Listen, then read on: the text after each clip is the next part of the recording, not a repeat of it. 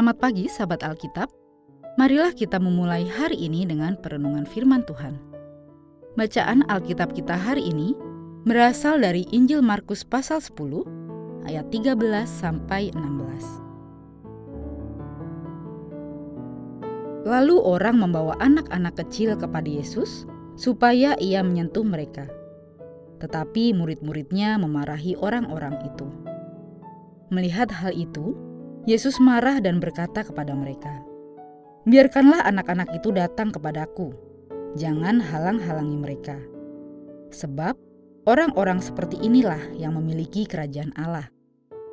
Sesungguhnya Aku berkata kepadamu, siapa saja yang tidak menyambut kerajaan Allah seperti seorang anak kecil, ia tidak akan masuk ke dalamnya." Lalu ia memeluk anak-anak itu dan sambil meletakkan tangannya di atas mereka, ia memberkati mereka.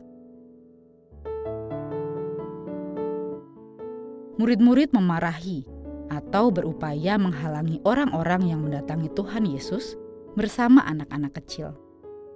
Padahal mereka ingin mendapatkan berkat dari Tuhan Yesus untuk anak-anak ini.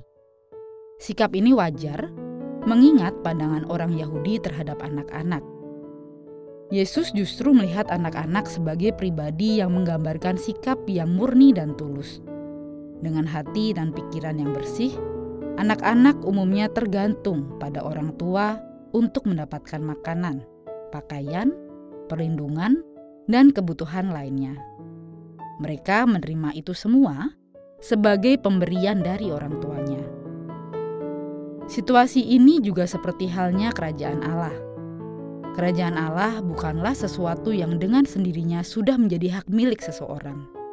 Dengan kata lain, hak untuk menikmati hidup sebagai umat Allah adalah pemberian. Diperlukan ketulusan dalam menerima Allah sebagai penguasa, seperti seorang anak kecil yang jujur, hidup dengan mempercayakan diri sepenuhnya kepada orang tua. Jika seorang anak dapat menyambut orang tuanya dengan penuh cinta, demikianlah kita diundang untuk menyambut kerajaan Allah dengan kegembiraan, kehangatan, dan cinta. Mari kita berdoa. Ya Tuhan, terima kasih Engkau mengingatkan kepada kami supaya kami memiliki hati yang jujur dan tulus.